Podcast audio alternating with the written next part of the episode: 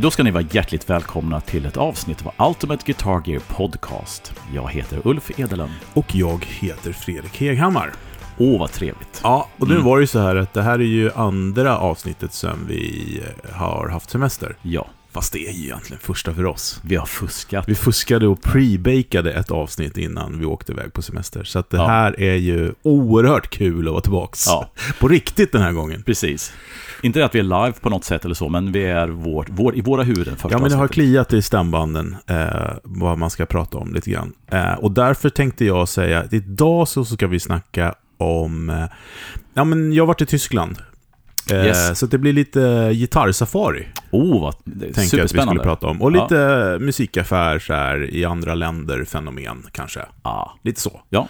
Vi ska prata eh, med, om en fråga som Fölster har kring strater. Vi ska reda ut det där en gång för alla. Vad, Ja, är, eller hur vad är det- som kliar och inte kliar? ja. Stratocasters helt Ja, enkelt. och sen så ska vi prata om Ecofix nya Spring Reverb. Oh, Så det är bara att spänna fast och åka med, så kör vi. Japp. Mm, Fredrik, det här ser jag verkligen fram emot att få en liten report. Mm. Från tyska, tyska affärs, eh, musikaffärsmarknaden lite grann. Lite Ja, men, stickprov. eh, Absolut. Och det, det, det kom sig så här, varför jag varit i Tyskland då? Jo, men eh, som ni vet så köpte jag ju min fantastiska, härliga drake där nere, det vill säga Goldtoppen, Yes. Utav en, en eh, herre som heter Tom. Mm. Eh, och eh, tycke uppstod ju, så att vi har ju liksom hållit kontakt och sådär och snackat. Och eh, när Tom frågade om jag hade någon koll på eh, hus eller boende här uppe, för de skulle åka till Sverige Mm. eh, och hälsa på oss för det första, inte för det första, men en del av det. Yes. Så sa jag, men jag har, ni, vi kan, ni kan bo här, vi ska åka bort. Eh, så att, eh, by the way, sa jag, vem bor i ert hus när ni inte är där? Åh, Eh, han bara, ingen. Jag bara, men då byter vi. ja men det är klockrent. Ja, så att eh, vi lånade deras hus i Ludwigshafen utanför Mannheim. Yes. Eh, och de eh, bodde här helt enkelt. Så det var Mm. super, superhärligt. Ja. De kom hit först och vi hängde lite grann. Vi var runt i... Och jag visade dem Söder, Söders höjder Mm. eh, och eh, Gamla stan såklart. Ja men förstås. Mm. Men också då lite gitarraffärer. Ja. Eh, och vi hann inte med alla, men vi hann, han är ju vintage-kille, han är ju så Blackguard-samlare då, Tom. ja, just det. Mm. Och är väldigt inne i smeten där med, med Nacho och de här killarna och håller på. Den, här, den, här lilla, den här lilla klicken av Blackguard-nördar liksom. Ja, Där Nach, är ju- Nacho är ju han som har gjort den här boken ju, Blackguard-boken. Har du förresten sett att de gör, ska göra Les Pauler nu? Ja, jag såg den någonstans. Ja. Och, och så ska jag tillägga, han gör ju fantastiska, vad ska man kalla dem, replikor egentligen. Det står ju inte Fender på dem, men det är ju så nära en Blackguard man kan komma egentligen, tycker ja, många. det är en, Mm. eh, ex- exakt. Eh, inte om du frågar Tom fullt ut. Nej, nej. Men, men, ja, Men ja, de tycker att det är någon lite grej som saknas. Och jag tror att det kanske görs med flit, för att annars förstår jag inte varför. För att Nacho kan ju verkligen, som du säger, ut och innan. ja, han har ägt så många och eh, han är supernoga med allt det där. Ja, men nu ska de göra eh, Les Pauler, såg jag. Eh, och eh, självaste Reverend var där och testade. Och de har använt hans gitarrer som Oh, mallar och, och sådär. okej. Så det ska bli väldigt spännande. Alltså till och med alltså, Pearly Gates menar jag alltså? Ja. Oh. Precis. Det låg på fejan häromdagen. Jaha. Eh, så det, det ska bli kul att se. Ja, ja. Känns det som att det finns ganska mycket sånt på marknaden. Och de där gitarrerna är inte billiga heller. Nej, en, nej. nat- en Nacho-tele går ju på liksom 7000 euro uppåt. ja. Så att då kan jag tänka mig vad en Les Paul kostar. Det är lite mer jobb på en sån. Ja, och sen ska man hitta liksom riktig mahogny och Brazilian och hela den grejen förstås. Mm. Och det, om han gör det så lär han vilja göra det by the book. Ja, precis. Mm. Eh, Tom då, då eh, den här tyska herren som kom hit och hälsade på. Yes. Han är ju också driver det här Torch Case. Just det, just det. Jäkligt ballt faktiskt. För att han då renoverar gamla vintage case, men Mm. bygger också replikor. Mm. Oftast är det ju då liksom kronan på juvelen på något sätt. Det låter ju konstigt att caset skulle vara det, men det är många gamla gitarrer som saknar originalcase. Ja, av förklarliga skäl. Det är det som får ta smällarna liksom. Och Ja. sen så byggde man inte case på, Nej, det var ganska Ja. taffligt byggt alltså. oftast ja. Ja, Mm. så att han eh, har som eh, sin nisch då att bygga då sådana här. Och det var så kul att sitta och prata med honom, liksom hur det går till. För han har då en kran som det heter i USA. Mhm. Eh, som han, eh, han sitter på nätet och bara dammsuger efter gamla väskor och sådana här eh, Ja. mycket gamla mm, dragspelslådor och sådana saker. Mhm. För att få beslag. Just det, för Och det, fanns, material. det var säkert så att det fanns bara x antal tillverkare av beslag. Ja, ja, och alla ja, musikinstrumentstillverkare köpte av dem förstås. Exakt, det var ju som eh, när man fick reda på att eh, du vet, eh, Telecasters har ju den här hatten på mickväljaren. Mm, mm. Decaware då, Ja. ett visst eh, patentnummer. Ja. Och det visade sig att, eh, ja, våran eh, biologisal de hade, hade ju massa utrustning med sådana på. Oh. Ja, inte, Ja. inte längre. Nej, nej, precis. Nej, men du förstår, det Ja. alltså de, de där skruvar och beslag och sådana saker, det var ju väldigt liksom samma tillverkare på Mm. den tiden, Mm. eh, helt enkelt. Så att, eh, så att han köper gamla, gamla delar och så bygger han och renoverar Mm. case och sånt. Spe specialiserar han sig på alltså, alltså de här olika typer av äh, telecaser, alltså termometer och hela den här grejen? Ja, liksom, men det eller? var väl så det började, men han Ja. gör alla caser. Ja, okej. Jag har sett både när han delikerar liksom, nya custom shop-caser till Les Paul, Mm. eh, till, eh, ja men han har ju också eh, fixat eh, tweedstärkare. Mm. Han har ganska många tweedstärkare också. Så han kör den grejen också? Allt som ja, har liksom... mest caseare, men... Ja. Men, men, eh, Men ja. som typ vinyl, alltså han har den, den äh, liksom Ja, tweed och vinyl helt enkelt. Och beslag och hit och dit och, och sådär. Så att. Och han kan bygga från grunden också. Så att, right. Och det gör han till de här termometercasen. Det, ja, det finns ju flera olika typer. Jag känner inte ens till det. alltså. Ja, det finns väl en två, tre stycken varianter som de här Black Guard- Guardsen kan komma med. Ja, liksom. visst. Det är en hel vetenskap Ja. det. Men i alla fall, vi började vårt besök, eh, nu sa jag att det skulle handla om Tyskland-besök där, men vi började Mm. lite i Sverige. Vi var hos Halkan och det var väldigt, väldigt kul. Ja. Eh, halk, ja, jag vet inte. Det känns som att Halkan aldrig mått så bra som han gör just nu. Nej, kul och att det se. känns faktiskt, för det är kul att komma in där. Och, Mm. Och Steve är ju alltid glad och hjälpsam och en, Mm. en härlig energiklick sådär. Mm. Eh, Mm. Så vi var inne och i och med att de kände till Toms torskcases då, Mm. så eh, öppnade Halkan upp sitt, sitt inre rum. Oh. Eh, och jag och Toms fru Anette, vi, jag var inne och ut där och tittade lite grann. Men det var svårt att få honom därifrån och han sa när han var klar, eh, jag behöver ta en öl nu. Men matt. Ja. Nej men alltså, Janne har hållit på så många år så att jag menar och...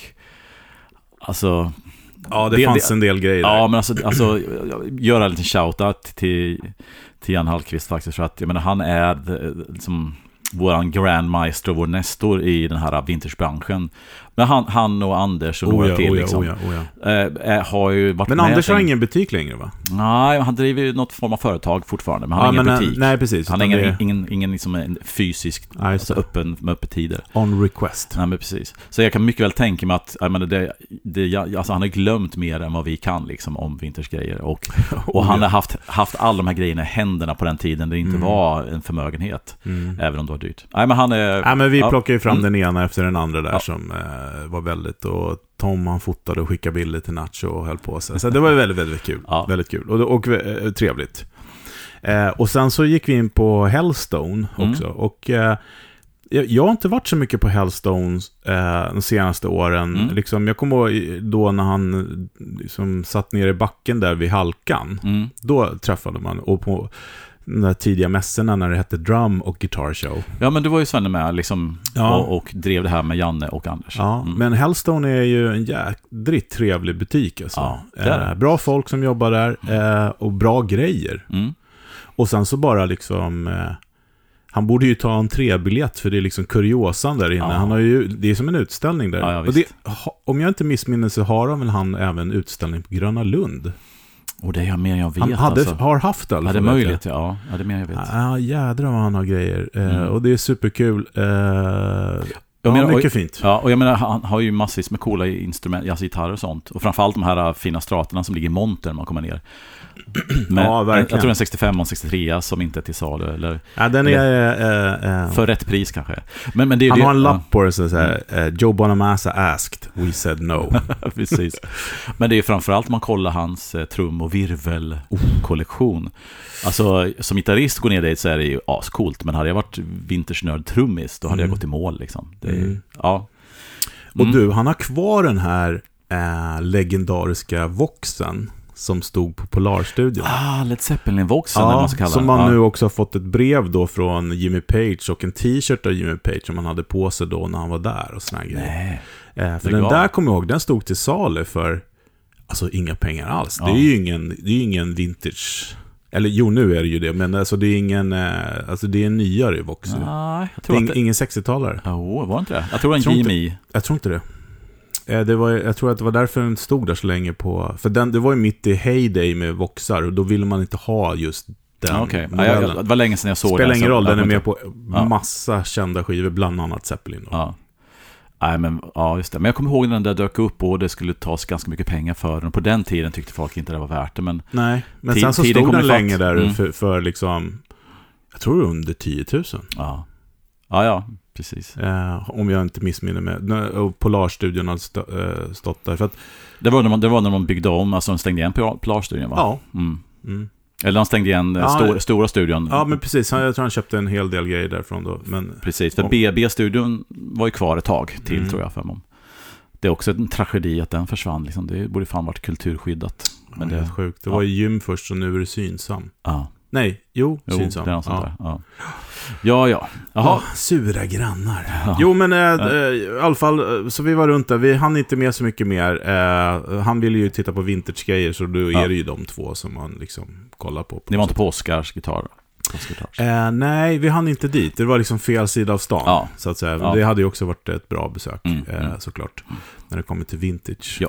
Eh, men det hann vi inte med. Nej, jag förstår. Eh, men däremot så åkte jag då till Tyskland. Körde Mm. dit eh, via Köpenhamn. Fantastiska Köpenhamn. Ja, just det. Bilar det gjorde ni. Det är ju faktiskt... Ja, Det men det är en bra grej att göra. Ja, men alltså grejen Ja. är, alla bara “Åh, det gjorde jag när jag var liten”. Ja, jag, Mm. jag gjorde aldrig det där när jag var liten. Ah, så att, okej. för mig var det superkul. Ja. Sen hade man väl kanske en bild av att man skulle komma till så här pittoreska små tyska byar. Det Mm. gjorde vi inte. Det var ju stau, stau och 130 blås. Ja, ja, autobahn liksom. Ja, Ja, ja. precis. Nej, men det vi, hade, vi var i eh, Köpenhamn, sen Hamburg. Det Mm. var också jävla trevligt alltså. Ja, en cool stad. Jag har nog bara liksom flygplatsat Mm, Hamburg. mm. Sådär. Eh, men sen körde vi ner då till Ludwigshafen, eh, som vi var vårt... eh, nej, jag stannade i Hamburg. Mm. För jag var på number one eh, gitarr. Ja, nu kommer vi till Her- första herregud, gitarr. herregud. Ja, Det får jag inte glömma. Mm.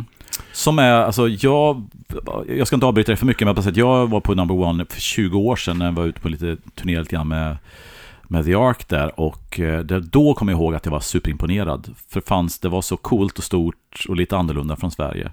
Men hur, hur, vad var din bild nu när du var där?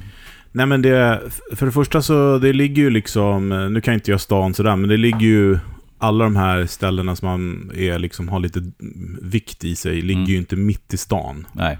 Utan de har lite större lokaler. Och det tycker jag är häftigt. Man kommer liksom och det finns parkering. Oh, så lyxigt. det finns utrymme, man kommer in. Ett väldigt stort utbud Mm. eh, hade de. De hade ju två våningar minst. Mm. Var det bara vintage-grejer eller var det Nej, också? alltså Mm. så, upplägget där är Mm. ju att ehm, eh, när man kommer in så är det mer en vanlig välsorterad musikaffär. Mm. Liksom inte bara gitarr, eller var det bara gitarr? Nej, det kan det inte ha varit. Nej, det var basar och gitarrer i alla fall. Ja, Men var det trummor och sånt också? Det kommer jag inte ihåg. Jag tittar ju inte på sånt. nej du hade inget fokus på det direkt liksom. Nej. Men det var nya gitarrer, Mm. nya basar, eh, bra utbud, eh, liksom Gibson-vägg, Fender-vägg, liksom Mm. lite tyska märken.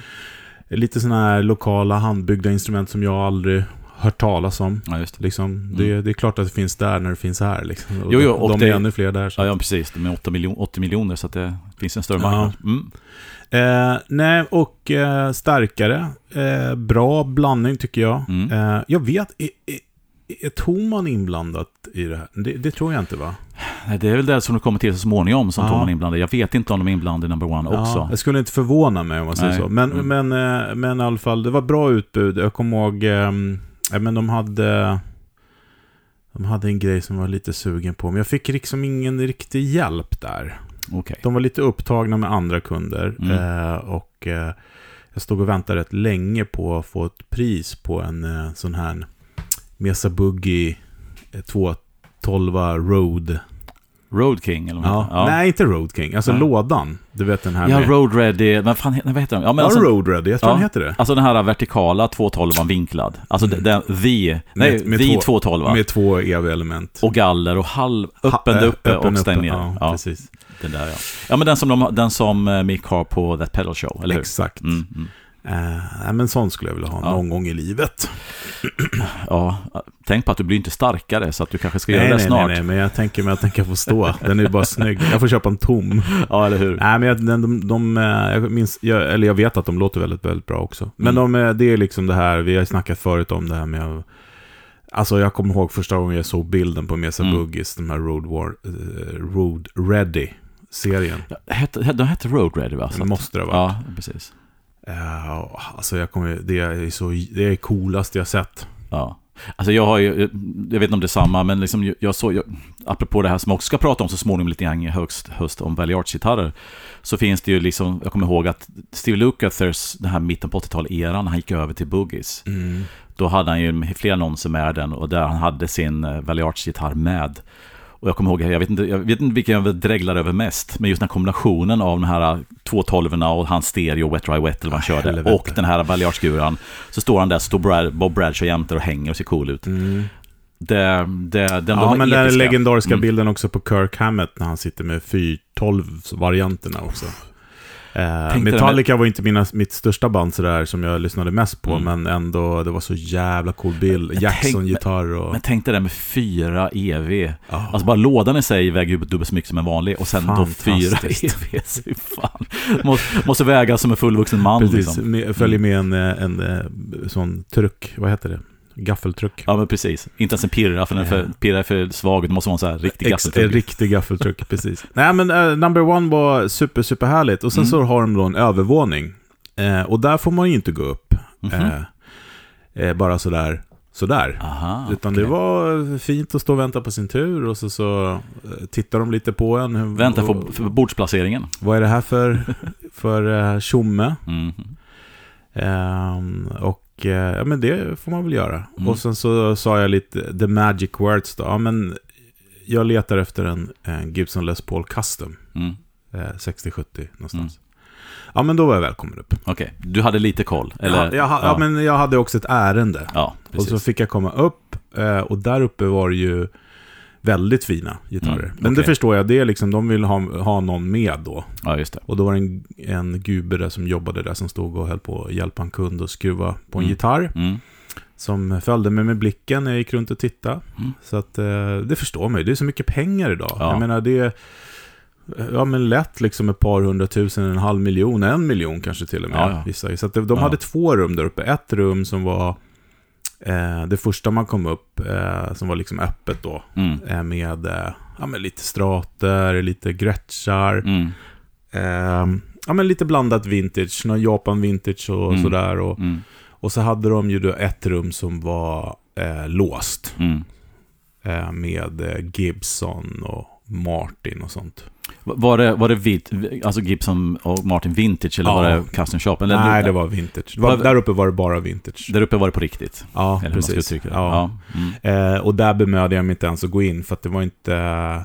De hade inte det som jag letade efter. Och Nej. det var ingenting som jag var just då sugen på att testa heller. Har Mm. suttit i bilen ganska länge. Men det är intressant, så du menar att de första våningen var lite mer nytt och lite allt möjligt. Sen så var det en våning upp, då var det vintage. Och sen i den översta våningen hade de ytterligare ett litet volt Ja, halva övervåningen var Okej. liksom låst. låst. Så det var liksom, det var så här, man, det är som ett, liksom ett tv-spel, man måste liksom... Ja, ja, men han erbjöd sig att komma, liksom. komma och öppna, Ja. men jag hade redan spanat. Det är ju det som är grejen. Man, eh, jag är inte ofta i gitarraffär numera, men jag Mm. kan scanna av dem ganska snabbt. Intressant är med liksom att man måste liksom skaffa sig liksom experience points eller levla sig upp till... Jag vet inte om det handlar om det just där. De var Mm. ganska vänliga när det väl Mm. kom och de var duktiga på att prata engelska också, vilket uh, jag underlättar ju såklart. Inte en, Man- he, inte en helt själv, självklarhet i Tyskland. Nu för tiden kanske Ja, det är det, men, eh, inga problem någonstans faktiskt, Mm. förutom någon som sa så här, nej jag kan inte engelska och så gick det jättebra ändå. Ja. Liksom så här. ja, Ja, ja. liksom. ja, Mm. det löste sig. Mm. Eh, och jag hade inte tyska i skolan, men man kan ju ändå lite tyska ändå. Ja, ja. Känns precis. det som. Ja, ja. Liksom. Och är man där några dagar så börjar de här grejerna, gamla kunskaperna sippra fram igen. Ja, men precis. Man har väl sett någon krigsfilm då och då. Just det. Det enda man vet. Don't Lär- mention the war, liksom. Precis, lärde sig tyska genom andra världskriget. Ja, Mm. nej, jag vet inte, jag kanske berättade det förut, men jag hade en period när jag jobbade väldigt mycket när jag var ung. Mm. Och hade lite svårt att sova på kvällarna. Mm. Eh, på nätterna menar jag. Mm. Eh, och då, istället för att ligga och vrida och vända mig, gick jag upp och tittade på eh, tysk tv utan text. för att min hjärna fick jobba då för att jag skulle förstå vad de, vad de sa. Och sen somna efter en kvart. Ja, Jag var skittrött, så det var ganska bra. Det är ett bra knep kan jag Ja, säga. Okej, det visste jag inte. man, man kanske kan välja ett, ett, ett, ännu svårare språk, men grejen var just det där med att man att man kan snappa upp rätt mycket som svensk på tysk. Det är som när man är i Holland. Mm, det är samma, ja, exakt. Eh, där har man ju, hör man ju inte när de snackar, men Mm. man kan ju läsa. Jag kan ju läsa alla skyltar liksom Mm. och förstå. Mm. Eh, ja, skitsamma. Mm. Men eh, number one där var, Rekommenderas. ja verkligen, Okej. verkligen. Mm, Eh, mm. bra, bra ställe, Mm. eh, som sagt var. Och eh, trevlig personal när man väl, liksom, när de hade tid för en. Ja, det, var ju, det, var ju, det är kul att det är busy. Mm. Och eh, de hade ju inte det jag letade efter, men de Mm. sa, men skicka ett mail så kommer det upp på vår lista så, Ja. liksom, så hör vi av oss när det dyker in saker och ting. Mm. Mm. Eh, första reflektionen direkt där då kan ju vara eh, priserna. Mm. Det är ju ja, höga priser nu. Ja, och, Fruktansvärda höga priser. och det, är ju, det, är ett, det har vi haft ett avsnitt om och det kommer säkert ha flera om. Men, men det är ju bara att inse att dels har ju vinterspriserna bara som, alltså fördubblats på, ett, eller, på två eller tre år. Och sen har vi då förstås eh, svenska kronan kontra både euros och dollars. Därför att vi Ja, är helt kul. körda. Jag, jag såg att till och med danska kronan är uppe på 1,50-1,60 nu. ja, det var, Och det, var det, all det var det minst roliga på Ja, och det var det all time high. Om man Ja. kollar tio år tillbaka, jag brukar kolla lite grann, så har danska kronan aldrig varit så hög som mot svenska nu. Och det beror på att den, den hänger väl ihop, den är väl knuten till euron tror jag. Eh, ja, Mm. men vi, jag var där förra året också och semestrade lite och då var det också väldigt högt, men vad fan. Ja. Nej men det, det är ingen roligt att åka utomlands nu kan jag säga. Liksom. Varken om man åker till USA Man eller får blunda Europa, lite. Man ja, får blunda. Det är bara man får kisa. kisa. Ja. Ja, nej men, men eh, man- just Danmark där man sitter så, eh, de har ju så mycket fantastiska ställen och jag älskar ju liksom Mm. Reffen och Kördebyn. Mm. Eh, när man liksom, ja men här är ett så här schysst, lite schack, schabbigt ställe som man gillar, liksom hål i väggen, liksom Mm, mm. billig bärs liksom så här. Mm. Ja men 40 danska för en öl, det är liksom 60. Ja, Det är inte billigt. Nej, men man är så van vid att, att norska och svenska ska vara ungefär lika och sen så är det lite, lite dyrare i Danmark. Men nu är det ganska mycket dyrare. Ja. ja Men eh, Hamburg, eh, Mm. Hamburg eh, visade, eh, var en bra stad. Hamburg levererade. Ja, och så jävla roligt för att ehm, vi kom på en lördag, så vi var ute och rumlade lite, jag och frun. Och sen så ställde vi klockan tidigt och gick på fiskmarknaden Mhm. på söndagen. Mm. Och då är det ju liksom, eh, ja men då var det liveband som spelade. De har så gigantisk liksom, lokal. Mm. Eh, man kan köpa frukost överallt och blomförsäljning och mm, frukt och grönt och så. Och så liveband. Tidigt på liksom, morgonen? Ja, klockan sju på morgonen. Stod Okej. de och chattade liksom, var ett gubban som stod och chattade covers stenhögt. Och vissa kom ju direkt från krogen och fortsatte där liksom. Oh, och shit. vissa hade ställt klockan tidigt som vi och sådär. Ja. Nej, det var superhärligt. Fiskmarknaden, ja. Mm. Söndagar, Ja. rekommenderar. Ställ Ja. klockan. Ja. Eh, ja, men så brände vi ner till, eh, till eh, Mannheim där, eller Ludwigshafen. Eh, och hängde vi lite där. Och sen så åkte jag och hämtade sonen efter några dagar som flög till Frankfurt. Och då Mm. kom ju då eh, resans höjdpunkt på gitarraffärsbesök. Ja. Och det är nämligen Guitar Point. Mm. Eh, jag vet inte, men eh, jag tror att det kanske är de flesta av våra lyssnare som har googlat någon gitarr av tyngd Mm. Har nog sett bilder från Guitar Point. Ja. Och deras logga känner man igen väldigt väl. En sån här svart-gul med en sån stiliserad gitarr har jag för mig. va? Ja, eller precis. Texten är gitarrformad liksom. Mm. Eh, nej, men de är, de är väldigt duktiga på att ta bilder och sånt. Och de ägs ju av Toman. Ja, men visst är det så. Ja, för mig- nu för ja, tiden. Ja, Och det är kanske inte många som vet, men Toman då, den här gigantiska jätten som många tycker är the big and evil. Mm. De började ju som en, en vintersaffär. Liksom, typ som Halkan. Det var deras första grej. Det visste jag inte faktiskt. Mm. Sen, eh, tog... exploderade kan man Ja, säga. men man kan väl säga att de liksom tog eh, chansen med Mm. när internet kom och hela den här balletten och bara, nu gör vi något nytt. Och det, Mm. det, ska de ha all heder för tycker jag. Ja, och sen ska man ju också kommentera det med att säga att de gjorde det tidigt och de fick hålla på så länge innan folk Alltså det, det, det var ju mest liksom så, alltså folk såg ju hela den här internet, att instrument köper man inte på, eller man Nej, köper inte musikgrejer överhuvudtaget på nätet. Det var en fluga, alltså det där klassiska. Men innan folk fattar att, ja men oj då, det här är nog en bra grej. Då var de, då, då var de uppe på miljardomsättning Ja. innan folk började liksom sätta hårt mot hårt, eller försöka Ja, men då ska vi möta inte snacka det. om branschen som stod och tittade på och eh, många fick vinka hej då. Ja, ja, ja. Det, jag, jag, jag ty- jag tycker att eh, vi konsumenter kan ju förstå att det är ett nytt beteende det här med att köpa instrument online Mm. och sånt. Men handlarna, Mm. det var ju väldigt många som stod och tittade på vad som hände och, och eh, grymtade att det där kommer inte flyga. Nej, och jag menar, jag, jag, jag har liksom relativt god insyn hur, hur svenska marknaden såg ut och vi, alltså det är helt otroligt hur sena på bollen vi var i Sverige liksom med att att bara bygga en webbshop där man kunde sälja, köpa, eller så man kunde köpa instrument eller ja, i musikutrustning. Ja, och i västvärlden så är det ju det är Sweetwater och eh, Toman som har gjort det. Det är ju Ja. inga andra. Ja, Gear for Music har väl liksom försökt slå sig in där och ha en viss men de är power. väl väldigt små jämfört med de andra. Eller okej, Gear from Music. Vi tar med dem ja, också. jag, jag, jag, jättesmå är de inte, men de är, Nej. inte, alltså, de är inte stora som Toman. Men de är ändå med i matchen i, Europa i alla fall. Ja. Ja, är de det nu med när, när eh, EU... Alltså jag, det snackas om dem i alla fall. Jag vet inte. Ja, jag är inte nej, men för det är lite bökigt att köpa av dem eftersom de är engelska. Ja, fast de har en stor, stor lager i, Sto- i Stockholm. Eller norr om Stockholm. Arlanda. Jo, det är sant. och Men, en stor affär. Så att, mm, undrar om de löser det där med valutor och sånt och tull och moms och sådana ja, de gör väl någon form av import till att börja med hit. Och sen så vet jag inte om de räknar ut, om de liksom lägger på marginal eller någonting sånt där. Ja. Men i alla fall, de, de finns med i matchen, Ja, absolut. och jag ska gå tillbaka till uh, Guitar Point, Ja. men jag ska också säga att jag var inte på Toman. Det var ingenting som lockade. Mm. Nej. Eh, det hade varit kul att se spektaklet, men jag var liksom inte in the mood Nej, jag fattar. för det. Mm. Eh, För hyllmeter och hyllmeter av nya grejer, Mm, lågprisprylar. Det var jag inte så intresserad av. Eh, men Guitar Point i alla fall. Eh, man kommer in, eh, det, eller likadant där, man åker till eh, ett så här industriområde. Mm. Eh, parkeringsplatser, Mhm. skyltar. Bra, bra sak. bra. Mm. Bra lastningsmöjligheter. Och man kommer upp, man kom, går in genom plåtar och eh, välkomnas av en gigantisk lokal. Eller giga, oh, i, för att vara en butik. Och för att vara en vintersbutik framförallt kanske.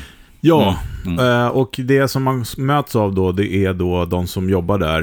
Eh, det var nog, jag såg nog bara killar. Eh, men de står där, liksom direkt man kommer in, och står och, liksom skruvar gitarrer Mm. Mm. på bänkarna. Liksom. Mm, Så mm. de står och jobbar där. Liksom. Mm. Och direkt då så, ja men hej, välkommen. Mm. Vill du ha en kopp kaffe, Mm. Vatten eller någonting? Mm. Säg till vad du vill testa. Du kan, om du vill, sätta dig in i rummet där så kan Mm. vi komma in. Mm. Ja, vad snällt liksom. Och, och de är ju väldigt eh, bekanta med Tom då, då också. Så att jag Mm. hälsade från Tom och då fick jag kanske li- lite än, ännu mera, eh, ja de tog sig tid. Ja, en liten introduktion helt enkelt. Ja, men han, en, Mm. en kille där som jobbar som tog sig tid och snacka och vi Mm. stod och pratade lite om podden och sådana Ja. saker. Och han känner ju inte till den såklart eftersom han är tysk. Men, Ja, ja, ja, men ändå sådär. Eh, väldigt trevligt helt enkelt. Mm. Och då känner man ju bara att här vill man ju shoppa. Eh, om jag hade haft guldbyxor. Precis. eh, likadant där, eh, väldigt, väldigt eh, mycket och höga priser. Mm. Eh, men det var aldrig lite kul, när jag kom in så hade de precis varit och köpt liksom utav någon eh, pensionerad eh, tandläkare eller läkare eller vad det var. Mm. En stor samling Oh. som de inte hade lagt ut än. Mm. Med lite så här, ja men mest 80-talsgrejer, lite så här, Mm. vet jag, pre... Eh, eh, vad heter det? Custom shop, eh, Gibsons och Ja, sådana det. saker. Ja, Så, jag fick- så jag fick lite, satt och gick igenom där och då hade en sån här eh, custom som jag let, letar efter. Mm. Men den, den föll mig inte i smaken. Nej. Men så det var kul att han, han bara, ja, passa på här, det här ligger inte ute än liksom och, Mm. och sådär. Och, eh, men sen så hade de ju eh, alltså en hel vägg med bara Fender, en hel vägg med bara Gibson Mm. eh, och in, inte en hel vägg med Gretsch, men mycket Gretsch-grejer, Mm. coola. Mm. Och gamla akustiska instrument, allt ifrån så här, eh, liksom, man kan gå till guitarpoint.de tror jag va? Mm. Eller kom kanske till och med och titta. De, har, de är väldigt duktiga på att lägga upp Okej. och massa Mm. bilder. Men det Mm. var ett stort utbud. Mm. Eh, och jag fastnade ju då för eh, det som stod på som en liten upphöjd scen i mitten då såklart. Mm. Det står väl där av en anledning kanske Ja. också. Säkert, bara för att blickfånget där ja, precis. Jo, men det var... Eh, jag har ju fått lite sådär semigas då, då på en eh, Goldtop. Eh, Det, det har du haft ganska länge. ja, men med P90 sen. Jag hade ju en en Ah, kortis, men jag ville ha med Mm. rap då. då. Mm. Eh, det vill Då- säga, jag vill ha en, en, en, Les Paul som låter som en Telecaster. Ja. Du, då snackar vi f- ti- 53 till 55 egentligen, Ja, det spannet. precis. Mm.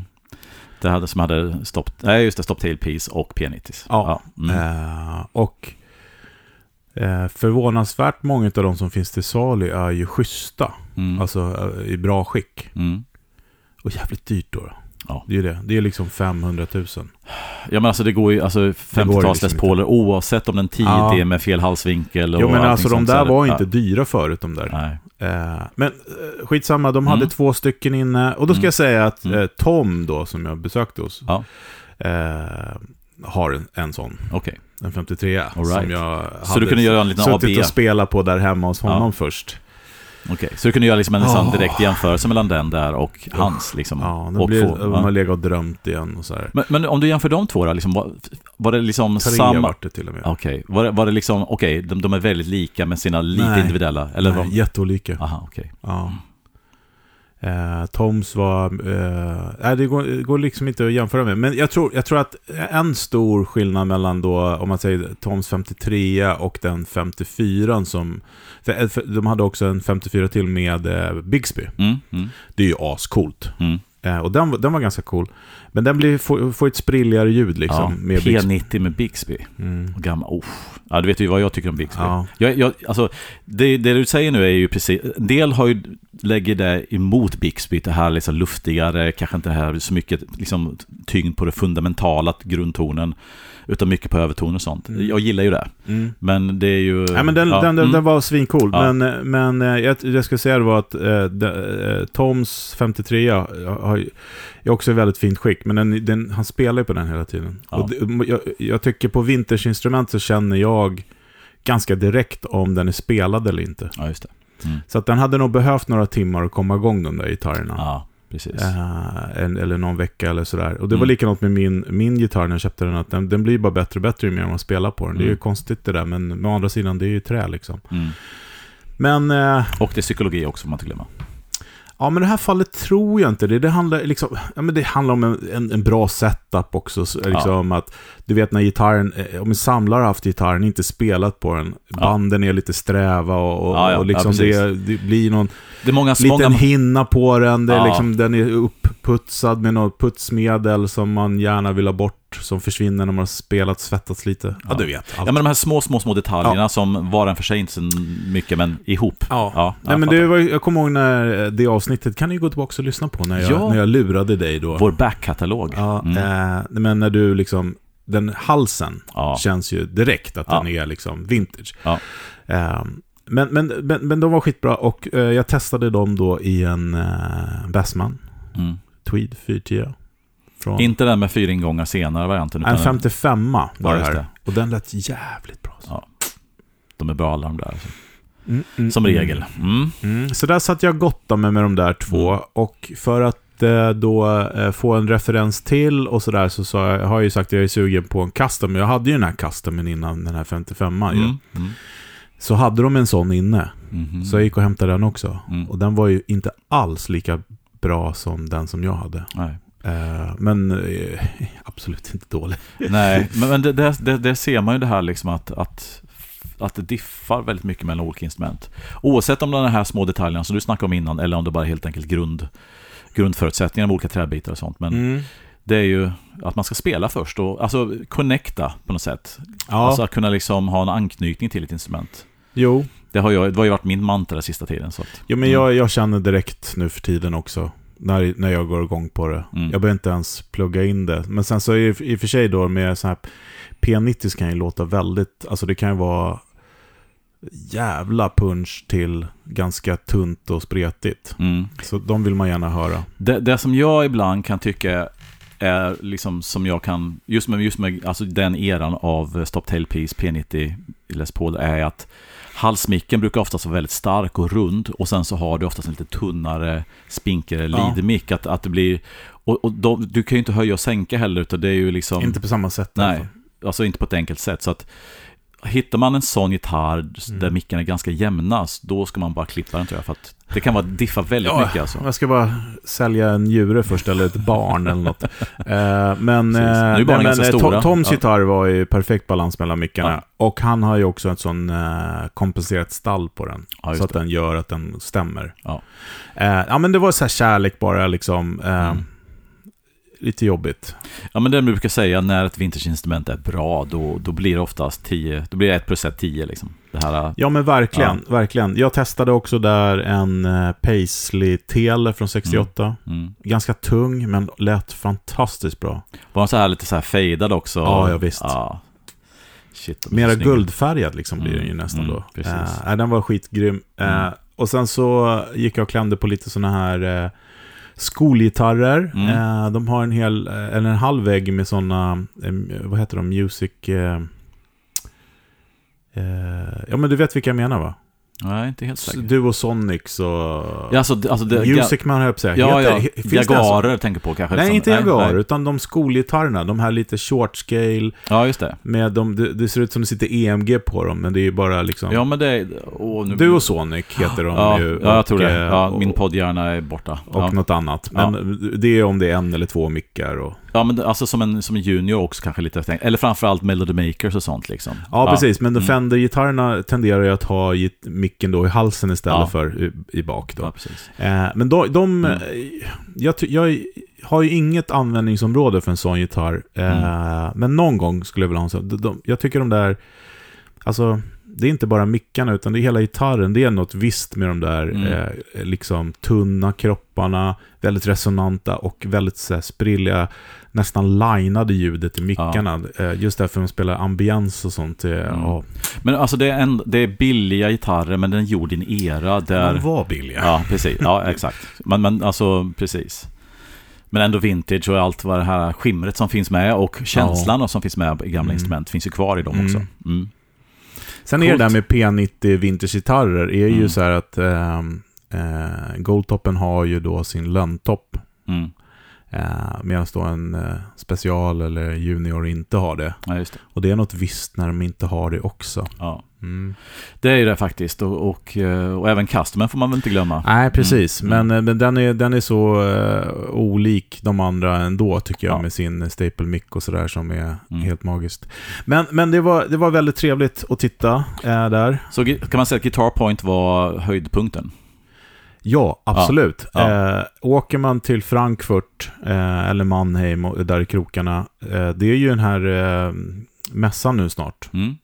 Då tycker jag man ska besöka dem. Mm. Det var väldigt, väldigt trevligt. Eh, Mm. Jag spelade också på en Gretsch, eh, vad hette där som du hade? Du och Jet Du och Jet, Mm. fast en 55 tror jag det var. med Dynasonics. Sparkle, ja. Mm. Ooh. Det där är inte helt fel alltså. Shit. Var, var det med eh, Bigsby också? Mm. Oh. Alltså gitarren var, Ja. inte, det var inte den bästa gitarren. Det, det kändes nästan som att den höll på att rasa ihop när man spelade på den. Ja. För det är så tunt allting och alltså, jag vet, det, men eh, vilket ljud. Jo men alltså grejen är ju det att, att de här gamla Gretscharna kan ju vara riktiga ras med, med binding Ja. rot och alltså gjorda, alltså man fattar inte vad man höll på med. Och så kan man hitta de här exen som, som bara Mm. är klockrena. Alltså det, det ska man säga att, att köpa Gretsch Vintage kan vara, är mycket, mycket, mycket svårare än att köpa Fender eller Gibson. Mm. För att det är verkligen från X till X hur pass bra de är, hur Mm. pass hur de har åldrats. Men men just pers, alltså personligheten, hur de låter, alltså det är ju... Ja, shit alltså. Ja, det är en gitarr som magic. står... Ja, Mm. absolut. Nej men så det var skitbra. Mm. Eh, jag åkte runt lite mer eh, för att jag hade lite tid, kollade, hittade egentligen ingen mus- gitarraffär sådär. Gick in igen och var en jättetrevlig kille, jag kommer inte ihåg vad affären hette. Och så kollade jag runt och så såg jag, jag bara, är det liksom mest nybörjargrejer? Han bara, ja, så här, Mm. tyvärr, sorry liksom. Typ. jag bara, nej men det är lugnt liksom, det är ju skitbra. För att Ja. det stod liksom en custom, Les Paul custom i fönstret. Och jag bara, "Ah, den där var... Och då var det en sån här eh, med tunn kropp. Ja, och skruvad hals säkert. Nej, inte skruvad hals, Nej. utan det var någon sån eh, specialgrej med eh, contours Ah, okej, okej. och tunn kropp. Ja, okej. Den heter någonting, den serien. All right. Och den sen var inte intresserad. Men däremot så hade hans chef då, hade ju jävligt coola stärkare som stod där. Jag bara, "Ah, är det här någonting som inte så? Han bara, no, it's my boss. Jag bara, ah, typiskt. Typiskt. Han bara, eller hur? ja. Jag bara, "Fin- kan du rekommendera någon annan för Han bara, there are no good guitar stores in Mannheim. jag bara, okej. Ja. Då tyckte han att jag skulle åka här tillbaka till, vad heter det, Heidelberg. Heidelberg. Heidelberg. Mm. Men det var precis där jag kom ifrån. Så Ja, att jag bara, ja, ah. ja. ja skitsamma. Så Ja. att det var bra. Men eh, så vi var där ett tag, och sen så drog vi till Berlin. Mm. Eh, och den här resan var egentligen inte åka runt och titta på gitarrgrejer, utan det var mer så här, stötte vi på någon, så jag, förutom Guitar Point. Men det var ju nästan så att din fru måste tvinga dig in i Ja, gitarraffär att- faktiskt. ja. Jag orkade inte. Jag vet, det, det tar så lång tid och... Ja, jag var inte, jag var inte på gitarrjagarmod. Nej, man måste, lite, man måste ha det fokuset. Och vill man inte ha det fokuset så kan Nej, det också... precis. Så Ja. att jag vill egentligen vara mest... Eh, jag vill, eh, om man säger så här, jag Mm. vill inte vara Fantomen i gitarraffären, jag ville vara mer Walker. Ja, just det. Gå runt och titta lite smyg. Ja. Du, Men det- du gick på gatan som en vanlig man. Som en vanlig man, Ja, precis. Men i, eh, i Berlin så kollar jag upp och då ska man ju gå till då Berlin Guitars om man ska tro eh, Google. Okej. Eh, och då skulle vi ändå dit på någon street art-utställning som var fantastiskt bra. Eh, och låg runt hörnan. Mm. Så kom vi dit eh, till den här eh, butiken. Mm. Eh, och det var en trappa ner och såg ganska snabbt så här, ja men det var, de hade någon PRS och de hade, men annars var det ganska så här middle Mm. Class sådär. Men, eh, ja men jag kom in och han som står där bakom en stor tysk herre alltså, som, som pratar amerikanska. Mm. Men, eh, jag, kollade, jag var tvungen att kolla sen mer om den här butiken för att eh, eh, så jag kommer till det. Eh, och han bara, ah, typ vad vill du liksom? Eh, jag tänkte bara kolla lite om det finns några fina gitarrer. Han bara, ah, det finns 700 fina gitarrer. Jag bara, ah, vad bra. Och sen vände han sig om till nästa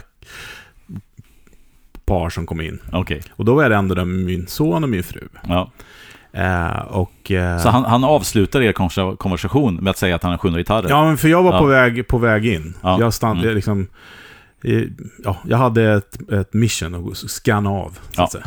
Så han vände sig till nästa som var då en eh, 16-17-årig kille med sin eh, typ syrra, eh, liknande ålder, och Mm. sin pappa. Mm.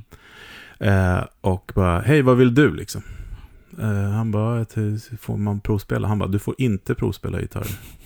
Om du vill provs Och så fortsatte han på bara, om du vill provspela gitarr så kan jag ge dig en adress till en annan affär som du kan gå där de skiter i sina instrument. Här är vi en liten rörelse som bryr oss om våra instrument och hittar dit. Och, och, och, och eh, tyvärr har jag ju hört det där förut. Mm. Mm.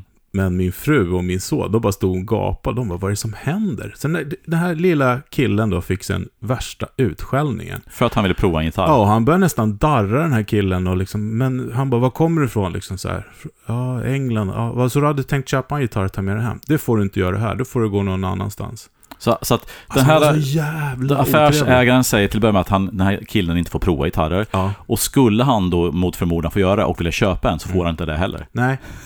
Nej, och, och, och, det vart liksom som att han, han vart ju helt paralyserad den här unga Ja. killen. För att han...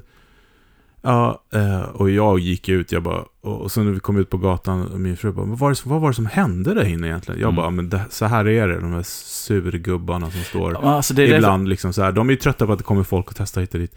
Ja men det där är ju inte okej. Hon bara, jag försöker tänka någon annan situation på någon annan butik eller någonting där man skulle göra något liknande. Alltså hon sa, det var ju hemskt ju. Och, Ja, ja. Så vi stod där utanför så skitlänge och bara liksom eh, reflekterade över det här. Och så kom den där stackars ut då. Han, Mm. han var alldeles högröd i ansiktet och var så här, när han kom ut på gatan var han jätteförbannad den här lilla killen Mm. liksom. Men, Mm. och jag hade så lust att säga till den där tysken att liksom, vad håller du på med? Det här kan vara din största framtida kund. Alltså det, det, finns, det är så många fel i hela. Dels är kundbemötandet och sen kan man tycka att okej, okay, vi har en del gitarrer som kanske är lite ömtåliga eller så här. Så att, men du får gärna prova de här och, och man tar ju hand om kunden och man får in kunden och sen att ja. jag vill inte alltså hur fan går han runt liksom? vad, vad, lever han på om man inte vill sälja grejer? Nej. Han vill inte låta Och så var han så stor också och lång och, och så här, ja, han, det är, skräckinjagande liksom. Det är verkligen så här soup nazi, no soup for you liksom. Att, nej, nej men det, det var inget bra, det var inget bra eh, ja, faktiskt. Idiot. Eh, Ja. Så, så, att vi, så, ja. så, att vi stod och pratade, så att jag, jag kan eh, rekommendera alla som lyssnar här att inte gå till Berlin. Det ska gubbjäveln ha. Och vad heter det här stället som man inte ska gå till? Berlin? Berlin gitarr eller musik eller någonting. Gitarr. Berlin Guitars heter ja. det. Ja, alltså, Nej, det var tråkigt. Så lika trevligt och bra som det var på Guitar Point, lika tråkigt var det här. Ja, och min familj mm. pratade om det här flera gånger under resan. Liksom, ja. att de, de vart verkligen tagna av det. Och, ja. och, det sjuka är att jag knappt reagerar på det. Förutom Nej. att jag tänkte tanken. Eh, för jag har ju varit med om det där själv någon gång när jag var ung. Ja, men har, man, har man gått i gitarraffär i Stockholm på 80-90-talet så var det inte helt omöjligt att man fick en liknande behandling Nej, men, och jag, jag, jag, tror att jag mm. kanske har dragit den här historien förut här i podden, men jag var ju med om en sån sak på Soundside. Mm. Det var innan du jobbade där. Ja, just det.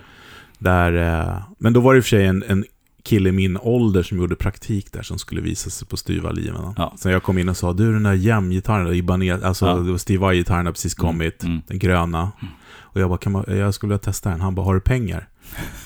Jag tror den kostar så här 10 000 eller ja. någonting. Då. Jag bara, nej. Han bara, varför ska du testa den då för? Ja. Ja, det kunde jag inte svara på, så var det helt perplex liksom. Ja, ja. ja precis. Det är klart man blir perplex Nej, men om du inte har pengar så är det ingen idé att du testar.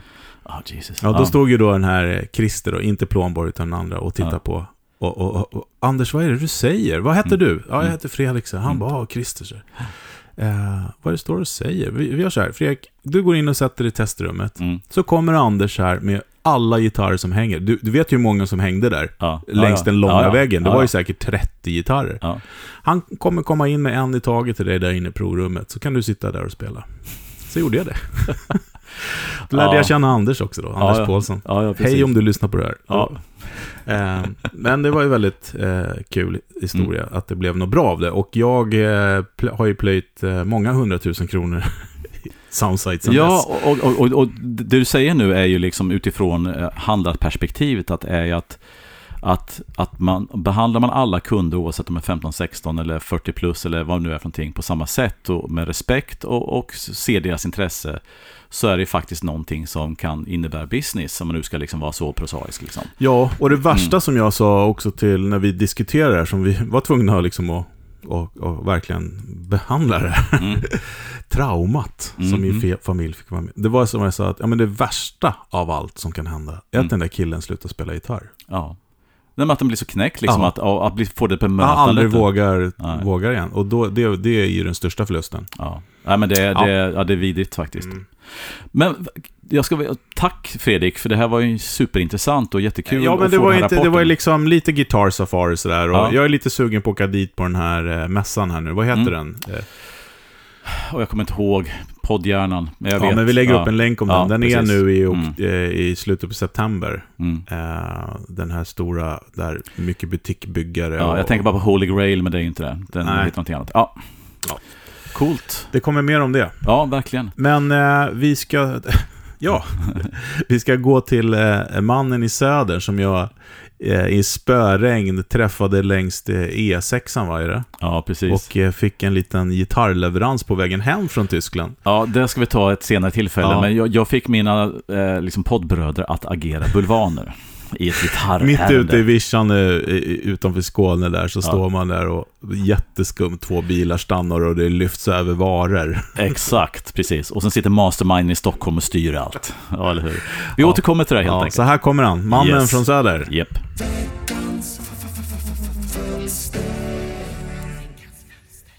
Sådär ja, då kör vi veckans fölster. Och den här veckan tänkte jag att vi skulle snacka om strator. Främst för att vi så sällan gör det.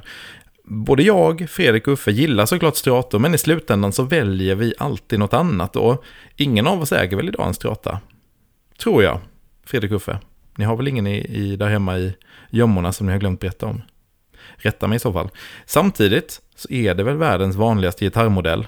Och det finns eh, liksom tusentals olika kombinationer av spesar, färger och moddar.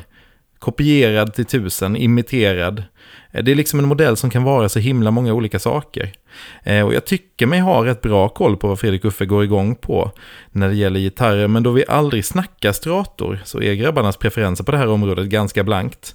Eh, så jag är nyfiken på att höra er orera lite kring det här och berätta om era ultimata strator och vad ni letar efter i en strata. Ehm, men jag tänker att vi kan ta lite avstamp i min korta strata-historia. När jag började spela gitarr i tonåren så var min första gitarr en Squire Strata. Olympic White, Rosewood-bräda. Som jag lånade eller hyrde på något sätt när jag tog lite lektioner hos ABF i högstadiet.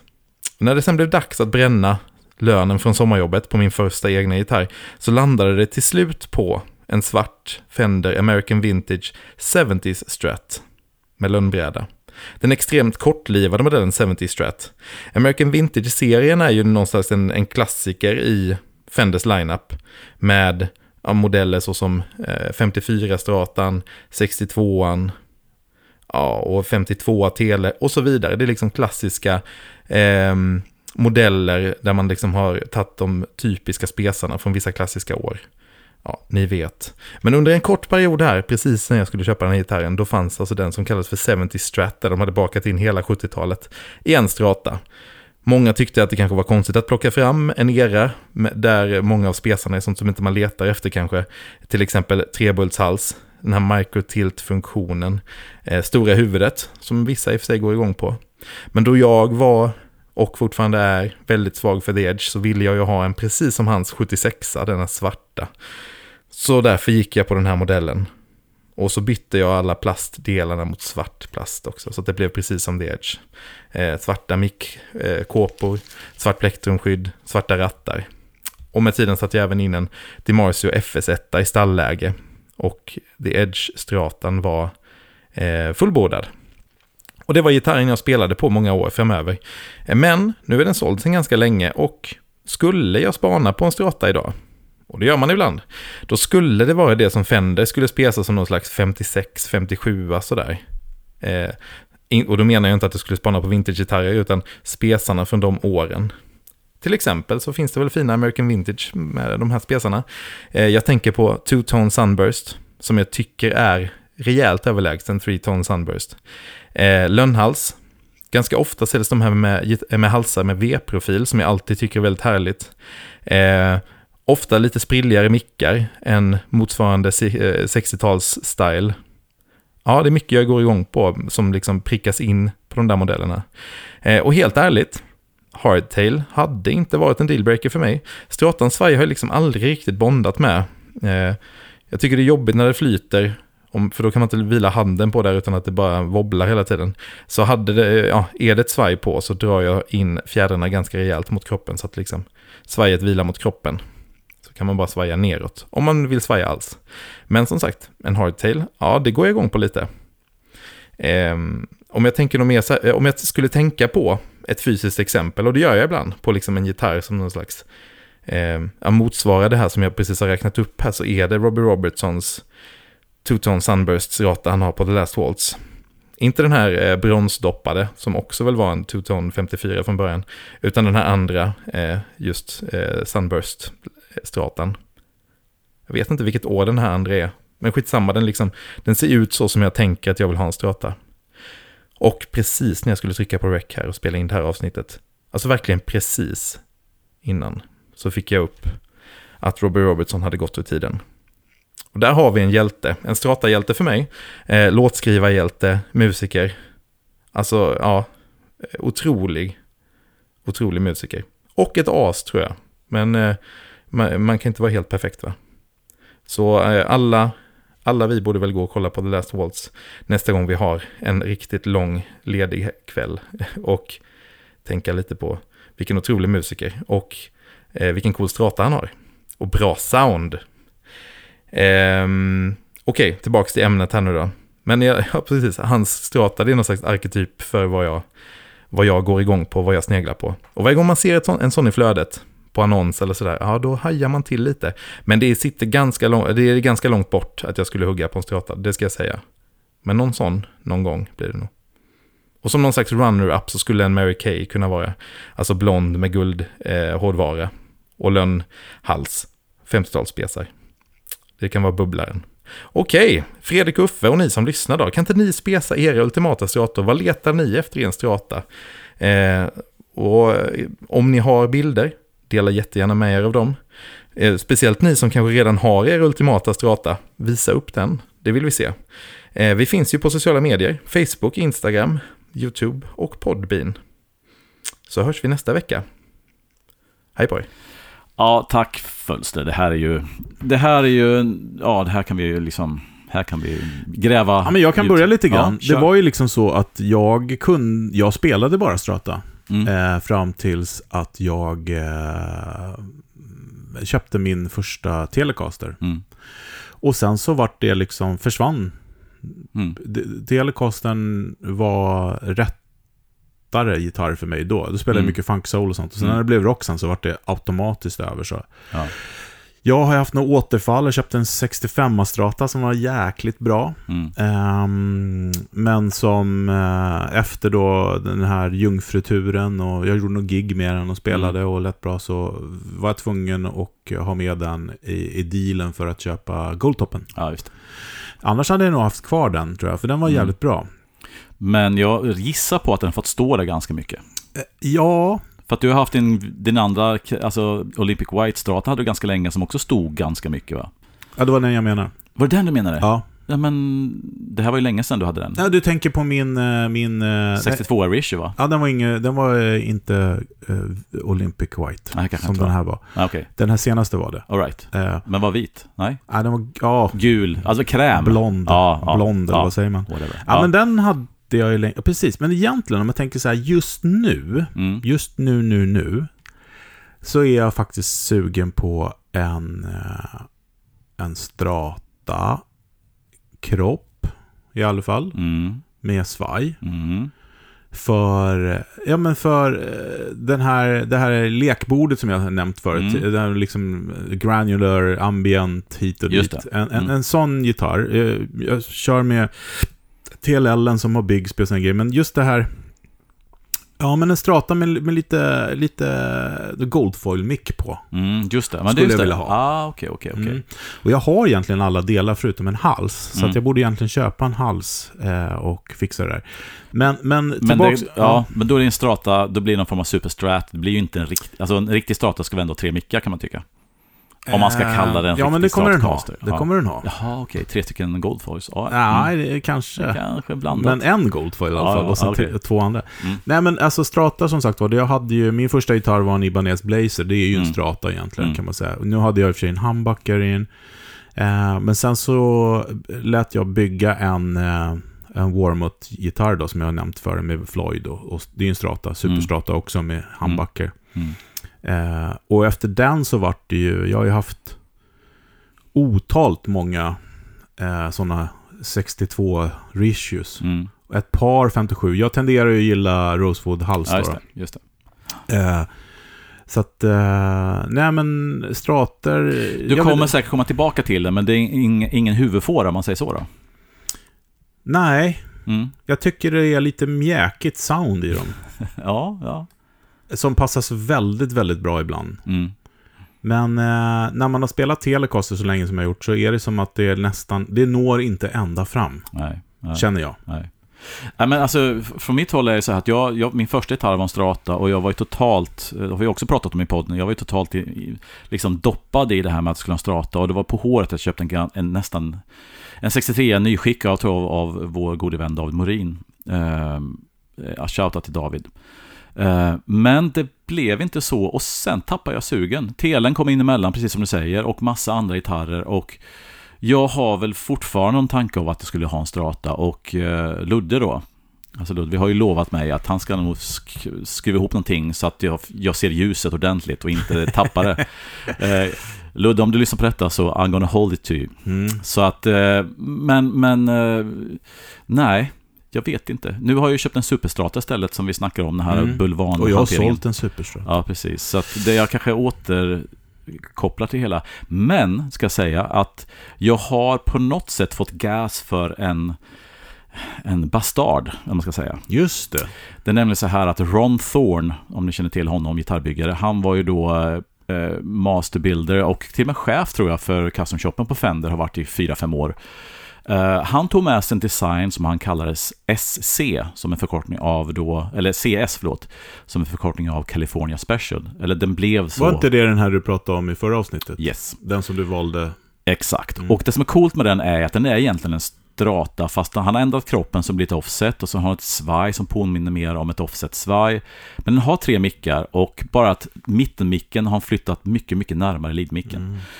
Och jag tycker inte om äh, mittmicken, jag tycker om hur den låter, men jag slår alltid i plektrumet. Och det är värt en av de grejerna som gör att, jag inte gillar strator. Men den skulle kunna vara en sån här äh, comeback till strata-ish-läget.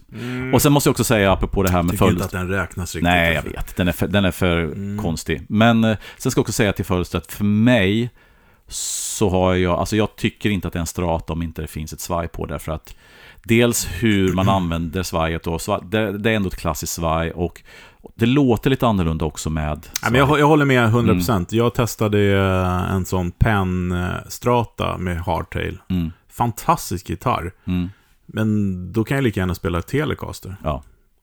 Och sen kan vi faktiskt på en strata sätta lead-micken, en Telecaster-mick. Då tappar man lite grann den här karaktären, kanske mellanläget. Men Mm. det är också en grej som många gör, att man har liksom en fetare mick. Ja, men jag gillar strata. Jag tycker Mm. strata ska vara strata. Och det är Mm. många gitarrister som jag gillar som spelar strata. Men jag har aldrig jagat det här Steve Ray Vaughan-ljudet som så Nej. många gör. Mm. Eh, tror jag.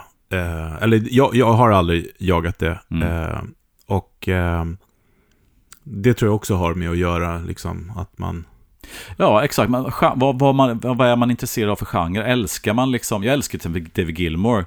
Eh, men jag har aldrig varit inne i Hendrix, Steve Ray-grejen. Liksom. Hendrix har jag Mm. gillat väldigt, väldigt Mm. mycket, men jag har liksom aldrig försökt eftersträva hans ljud. Nej.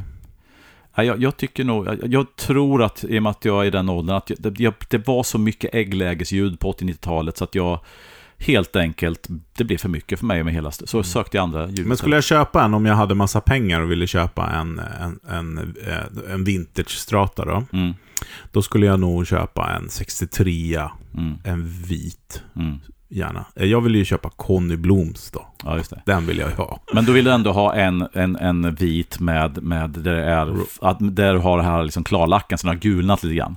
Ja, det behöver spela ingen roll. Okej, så den kan vara... Eh, Jag vill, Okej, jag vill ha en 63-spesar. Okej. Skitsamma vilken färg. En Okej. 63-spesar. Ja, okej, okej. Eller så vill jag ha en eh, 65, 64, 65, tidig 65 där med en, en eh, eh, Sunburst. Ja, Transition-loggan. Ja, Fast lilla huvudet liksom. gröna, precis. Ja. Fast grejen är så här, när jag också när jag hade strata så formligen avskydde jag det stora Fenderhuvudet. Mm. Nu tycker jag det är skitcoolt. Ja, ja, jag håller med dig. Jag håller med Mm. dig. Det också, jag har också vänt där lite grann Mm. faktiskt. Och jag har testat några 70-tals strater som har varit sådär lätta och fina. Mm. Mm, li- där är jag lite sugen emellanåt. Mm. Men eh, som sagt var, det finns andra grejer före på listan. Ja, ja, samma sak för mig. Jag får se om, om Ludde lyckas liksom konvertera mig till strataläget igen. Men det, det sitter hårt inne. Jag känns som jag inte riktigt är där. Mm. Mm. Men eh, en, kl- en kanske den mest klassiska gitarren som finns och eh, värd varenda uppmärksamhet. Ja, får. och jag Mm. tycker när jag väl hamnar i en soffa med en sån strata i handen så tycker jag det är kul att sitta och pilla på den. Ja, och den känns bra. Ja, ja. Det, vi kan ju tillägna liksom fyra avsnitt till Kött om Ja, strator. kanske får göra det då. Ja. Tills vi är omvända. ja, eller hur. Eh, Men, eh, ja, men ska vi gå vidare kanske då? Vi ska till veckans pryl och boing, lite granna. Yeah. Kommer här. Veckans pryl. Okej, veckans pryl. Yes. Eh, det är lite kul faktiskt tycker jag för att eh, vi har ju den här eh, australiensiska tillverkaren som heter Ecofix. Mm. De kom ju med, om man skulle då man skulle väl kunna säga att det var en ny version av Roland 201 va? Ja, Eller eller... bandekot. Ja, Roland eh, Bandeco i grunden. Heter inte den 200, 201? Ja, det fanns ju många olika varianter. Det Ja. var 501 till och med. Men de har ju liksom gjort ändå Mm. en ny version av den med eh, soniska förbättringar. Mm, Eh, och den har ju då bandeko och reverb i sig. mm, Eh, och eh, de har väl tittat lite grann på marknaden och tänkt att det finns inte så många eh, liksom, riktiga rör... Nej, rör, vad säger jag? Fjäderreverb menar jag. Mm, just det. Freudiansk felsägning. För Mm. det är väl de här franska Anacond, eller vad de heter, Ja, och sen våra svenska... Surf Industries. Ja. Men, men, men de vill göra en liten då, och Mm. eh, det är ju också det att ska man då historiskt sett säga att de här eh, reverbet i då de här Roland bandekorna är ju väldigt korta. Mm, Det är short, liksom, feathers, ja, helt enkelt. Och, Ja. och, och då blir det ett speciellt sound. ja. Så nu har de kommit med en pedal som, Mm. som heter... Ja, den heter Spring Reverb. Ja, du ser. Ja. Och den är väl ungefär, eh, vad ska vi säga, 12, 13, 15 gånger 12 centimeter. Mm. Eh, En smidig pedal helt enkelt. Ja, verkligen. Och eh, Fast, fast har riktiga fjädrar i, alltså. Är det så? riktiga fjädrar. Man ser Ja. dem genom fönstret här. Ja. Det, och det ska också på, se, alltså det här är ju en av de snyggaste pedalerna jag sett på väldigt länge. Det har ju den, här, den VU-mätaren andas ju gamla kassettdäck från Varför 70-talet. gillar man sådana saker? Men det är för man är uppvuxen med det. Det sen ser liksom ut ja. på riktigt. Ja, och sen ett fönster som man ser de här fjärr... Alltså den är... Alltså, har man lite så här 60-70-tals nostalgia i sig, då går man i mål på detta kan jag säga. Mm. Mm. Eh, och den är väldigt sturdy, pedalen. Mm, Eh, den har då eh, features, så har den då spring eh, gain. Eller spring drive säger de. Mm. Det är mycket man liksom skjuter in i själva... Ingångsvolym eller något sånt här va? Eller? Ja, ja, Mm. precis. I själva fjädrarna, Mm. eh, helt enkelt. Eh, så har du base control, som är ungefär unity vid noll, och så du kan skära och ehm, höja. Mm. Och så har du treble Ja, och eh, reverb-volym. just det. Sen har- ja, ja, en form av mix helt enkelt. Ja, precis. Sen ja. har du av och på på Mm. en knapp. Ja. Och sen så har du liksom kill dry på en. Ah, så du kan liksom... Man bara hör effekten. Och vi ska demonstrera det sen. Mm, mm, jag har ju ingen användning av det, men du kan köra den i loop då på en stark då till Ja, exempel. det. Mm. Eh, men däremot så tyckte jag att det var bra när man ställde in eh, diskant och bas. Mm. För man, man hör ju bara då reverbet, Just det. om du förstår vad jag menar. Och diskant och bas är då förstås på bara den effektsignalen va? Jajamän. Ja, Just det. Så att Jajamän. den, alltså den, den som rena så att säga, drive-through är ju liksom oaffekterad av de här kontrollerna. Utan, eller hur? Eh, ja och nej. Eller- det står att eh, du kommer uppmärka en liten dipp, volymdipp, när du har den på. Just det, för den går ändå igenom en preamp circuit. Ja, Exakt. Precis. Så det ja. står i manualen att eh, ja, du kommer uppleva det. Och jag som är så sjukt känslig för det upplever det verkligen. Ja. Men å andra sidan är det här en pedal som man kanske har på jämt. Ja, precis. Okej, så att pre- alltså, ingångsvolymen påverkar naturligtvis allt, men eh, EQ-kontrollerna är bara för effektljudet antagligen då. Ja, exakt. exakt. Bra. Okej. Eh, vi har tysktelen. Självklart. Ja. Som fick vara ute och jobba på senaste gigget. Ja, det lät bra. Snorbra, verkligen. Eh, och vi har våran Dream-pedal från UA. ja, Universal Audio, eh, som och- är vår förstärkare. Ja, och, men idag så har vi stängt av reverbet på den. Ja, för vi har alltid haft lite reverb på den när vi testat eh, overdrive-pedaler in och sånt, men av förklarliga skäl så har vi inte det vet, vet du vad vi kan göra? Jag sätter på lite reverb när, vi, när du tar hur det låter, så kan jag stänga av det medan ni lyssnar så får ni höra skillnaden själva. Okej. Så här är då eh, gitarren och eh, Dreamen helt enkelt Ja, bara. och med Dreamens reverb. Ja.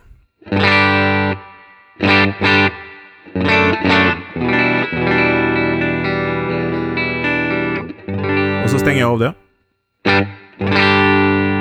Ja.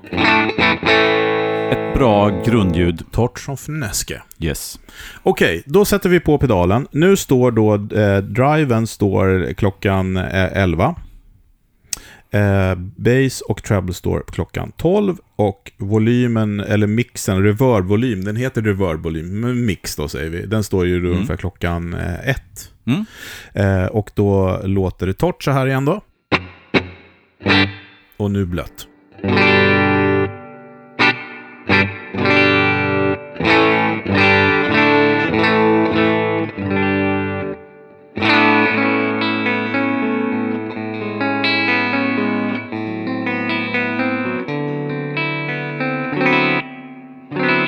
Jag tänkte säga, det låter ju som eh, fjäderreverb. Och det är precis vad det är. mm. Mm. Mm. Eh, men jag kan öka på lite då. Jag kör eh, klockan tre. Mm. Alltså effektmix, eh, eller vad man ska kalla den. Ja. ja, volymen. Reverb.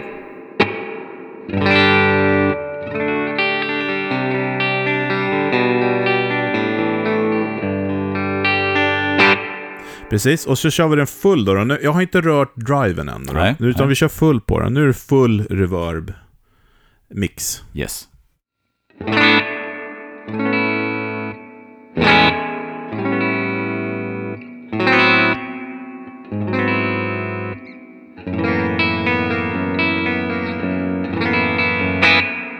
Precis, och det är ju begränsat. Fjädrarna är ju inte så långa, så att du kan ju inte få liksom som i min Magnaton till exempel. Att du kan liksom... Det regnar i rummet för att det är så mycket reverb. Ja. Nej, men alltså det, det finns en fysisk begränsning Exakt. med korta reverb. Men eller, eller korta Innan jag fjädrar. går in och börjar uh, hålla på med filter och sånt, Mm. så ska vi då testa den här Killdry. Mm. Så att när du spelar så kommer jag stänga av då eh, liksom, eh, den torra signalen. Ja, Så får coolt. du höra hur det låter.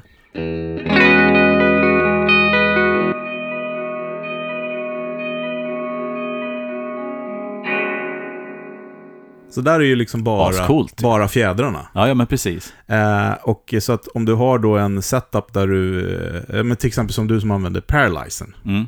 då skulle du kunna ha det här läget. Mm. Mm. Och sen bara blända in hur mycket du vill ha då. då Ja, visst. och ge ännu mer kontroll. Ja. Men eh, vi kan väl... Eh, jag rullar tillbaks lite grann till klockan tre. Och sen så... På kom- mixen. På mixen. Och så Mm. kommer jag successivt öka driven nu då. Mm. Eh, Medan du spelar Yes. eh, till ungefär eh, klockan tre. Så från 11 till klockan tre. Yes. Medan du spelar. Mm. Låter det så här.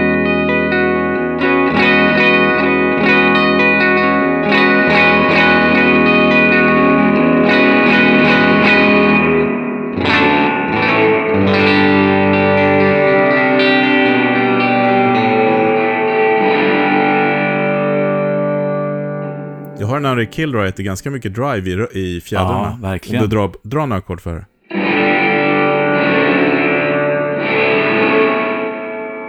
Fortsätt spela nu.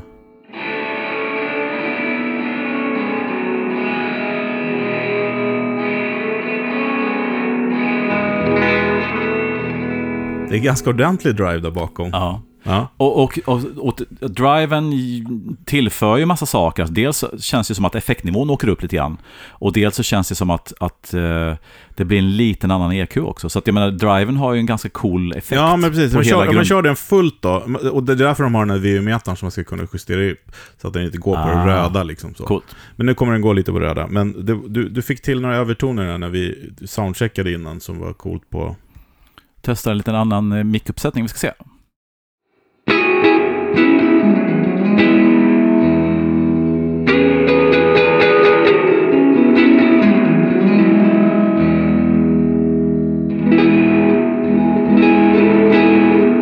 Man, det är så roligt, man ser ju, det sitter en lampa här vid rören och, rör sig på sig för fullt här. Eller rör, vad säger jag rör hela tiden för? Fjädrarna menar jag. Ja, ja. Eh, Okej, men jag sätter, jag sätter tillbaks till eh, eh, det här så här ungefär som jag tycker låter bra om du spelar nu. Mm. Nu går inte UV, UV-mätaren, uh, UV-mätare heter det? Ja, det heter det. Ja, VU-mätare. VU, UV är ju fan sol. VU, VU-mätare. VU-mätaren går nu precis upp på rött och vänder. Ja. Eh, och eh, jag tycker det väl här är ganska lagom mix sådär.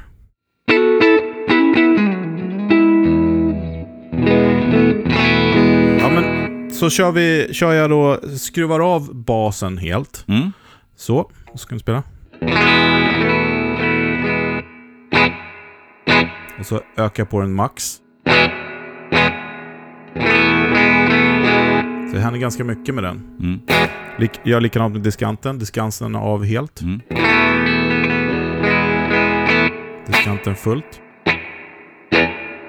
Och det var det här jag tyckte var så bra när man satte på då eh, Killdry. Om du spelar det. Basen av. Det hör man ganska tydligt då. Mm. Full bas. Då kommer det liksom. Likadant med diskanten. Full diskant. Ingen diskant. Så där tyckte jag det var bra funktion att använda när man ska ställa in det. Mm. Mm. Så nu ställer jag diskanten lite på klockan ett och den andra på klockan 11. Eh, så låter det så här då. då.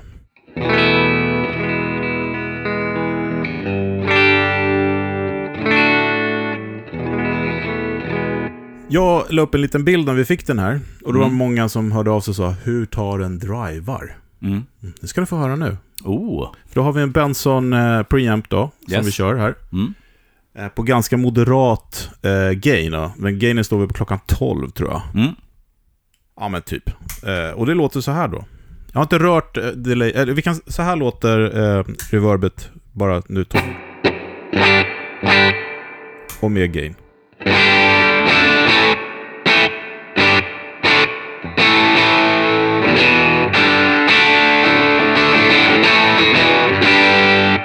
Det blir ju mer då, lite grann. Ja, fast den, den, Komprimerar snyggt. ja, fast den behåll väldigt mycket karaktären som man tycker om från början, så att Mm. säga.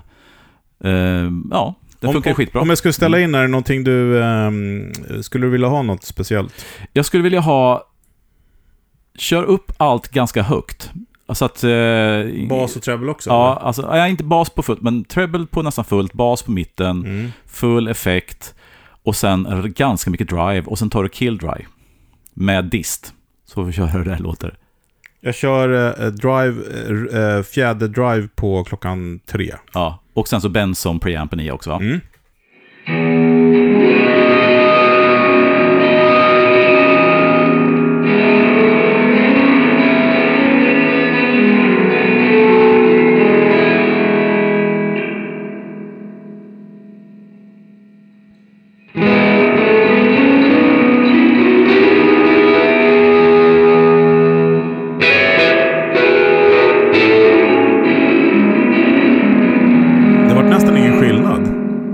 Jag stängde av på den? Nej. Nej. Alltså, har, alltså om du har kör max på mix så kanske det är 100 där i och för sig. Så att Ja, det är sant. sänker du lite Det är grann sådär då. Mm. Tre, klockan tre på den också. Yes.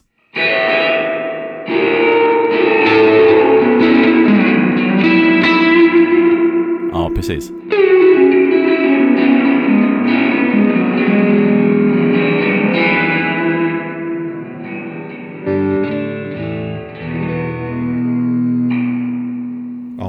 Ja. Alltså det, det är ett coolt sound. Man kan, man kan kanske inte säga att pedalen är super versatile, alltså mångsidig. Men den har det här, det här lite burkiga, coola reverb-soundet. Ja, men- short, short eh, alltså... Ja, det är ingen Ja. Fender Twin Reverb. eh, Nej. Eller Deluxe Reverb Reverb. Ingen Mm. Magneton Reverb heller. Men det Mm. är ju ett coolt... Men short spring... Ja, men jag tycker liksom så här. Om du spelar nu ungefär så här som jag tycker att liksom... Eh, oj, så.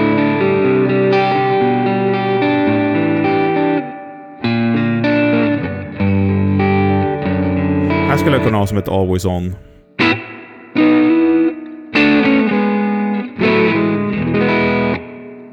Ja, varför Alltså inte? om man nu vill ha den karaktären. Ja, absolut. Ja, men Ja. som sagt var, Ecofix, jag vet inte vad de kostar riktigt. Eh, jag tror, jo, 350 dollar. Mm. Så att det blir väl runt fem då kanske här. Ja, med lite moms och Ja. frakt och allt sånt. Ja. Ja. Eh, bra folk som gör dem. Mm. Trevliga som satan. Mm. Eh, coola grejer. Ja, och bara att ett företag gör ett eh, bandeko och ett fjäderverb i pedalform. Alltså bara det ska ju premieras tycker jag. Ja, och så ska vi säga att eh, den här, eh, för, för, för sådana som oss då, höll jag på att säga, jag drar alla över en kam här nu Mm, som lyssnar. Men jag. vi som tittar på YouTube och lyssnar på sådana här saker hit och dit, eh, kan jag säga att det finns ju eh, en ziljon videos på den här nu, Mm. för att de skickade ut dem där till influencerna samtidigt. Mm. Eh, jo, det är väl gött. Jag förstår inte riktigt varför man gör så, för att det blir liksom allt på en gång. Det Ja, jo, men det är så folk gör nu för tiden. Ja, man vill vara först. Ja. Och vi är alltid en vecka efter för att vi har våran frekvens på vår Ja. poddinspelning. I bästa fall. Ja, Precis. Men eh, nu hör ni det från oss, så att säga. Ecofix från eh, Spring Reverb Pedal. Ja, då får vi väl tacka för oss då. Ja, men det gör vi. Och eh, tack för att ni orkar lyssna och eh, supporta oss. Så hörs vi alldeles Ja, strax igen. Och kom gärna med förslag på vad ni vill att vi ska snacka om. Det är Ja. alltid kul. Ja, Det hjälper oss att eh, vara kreativa. skrik till i sociala medier och ge oss ämnesförslag. Tycker jag. Hallå, hej då! Hej då, ha det gött!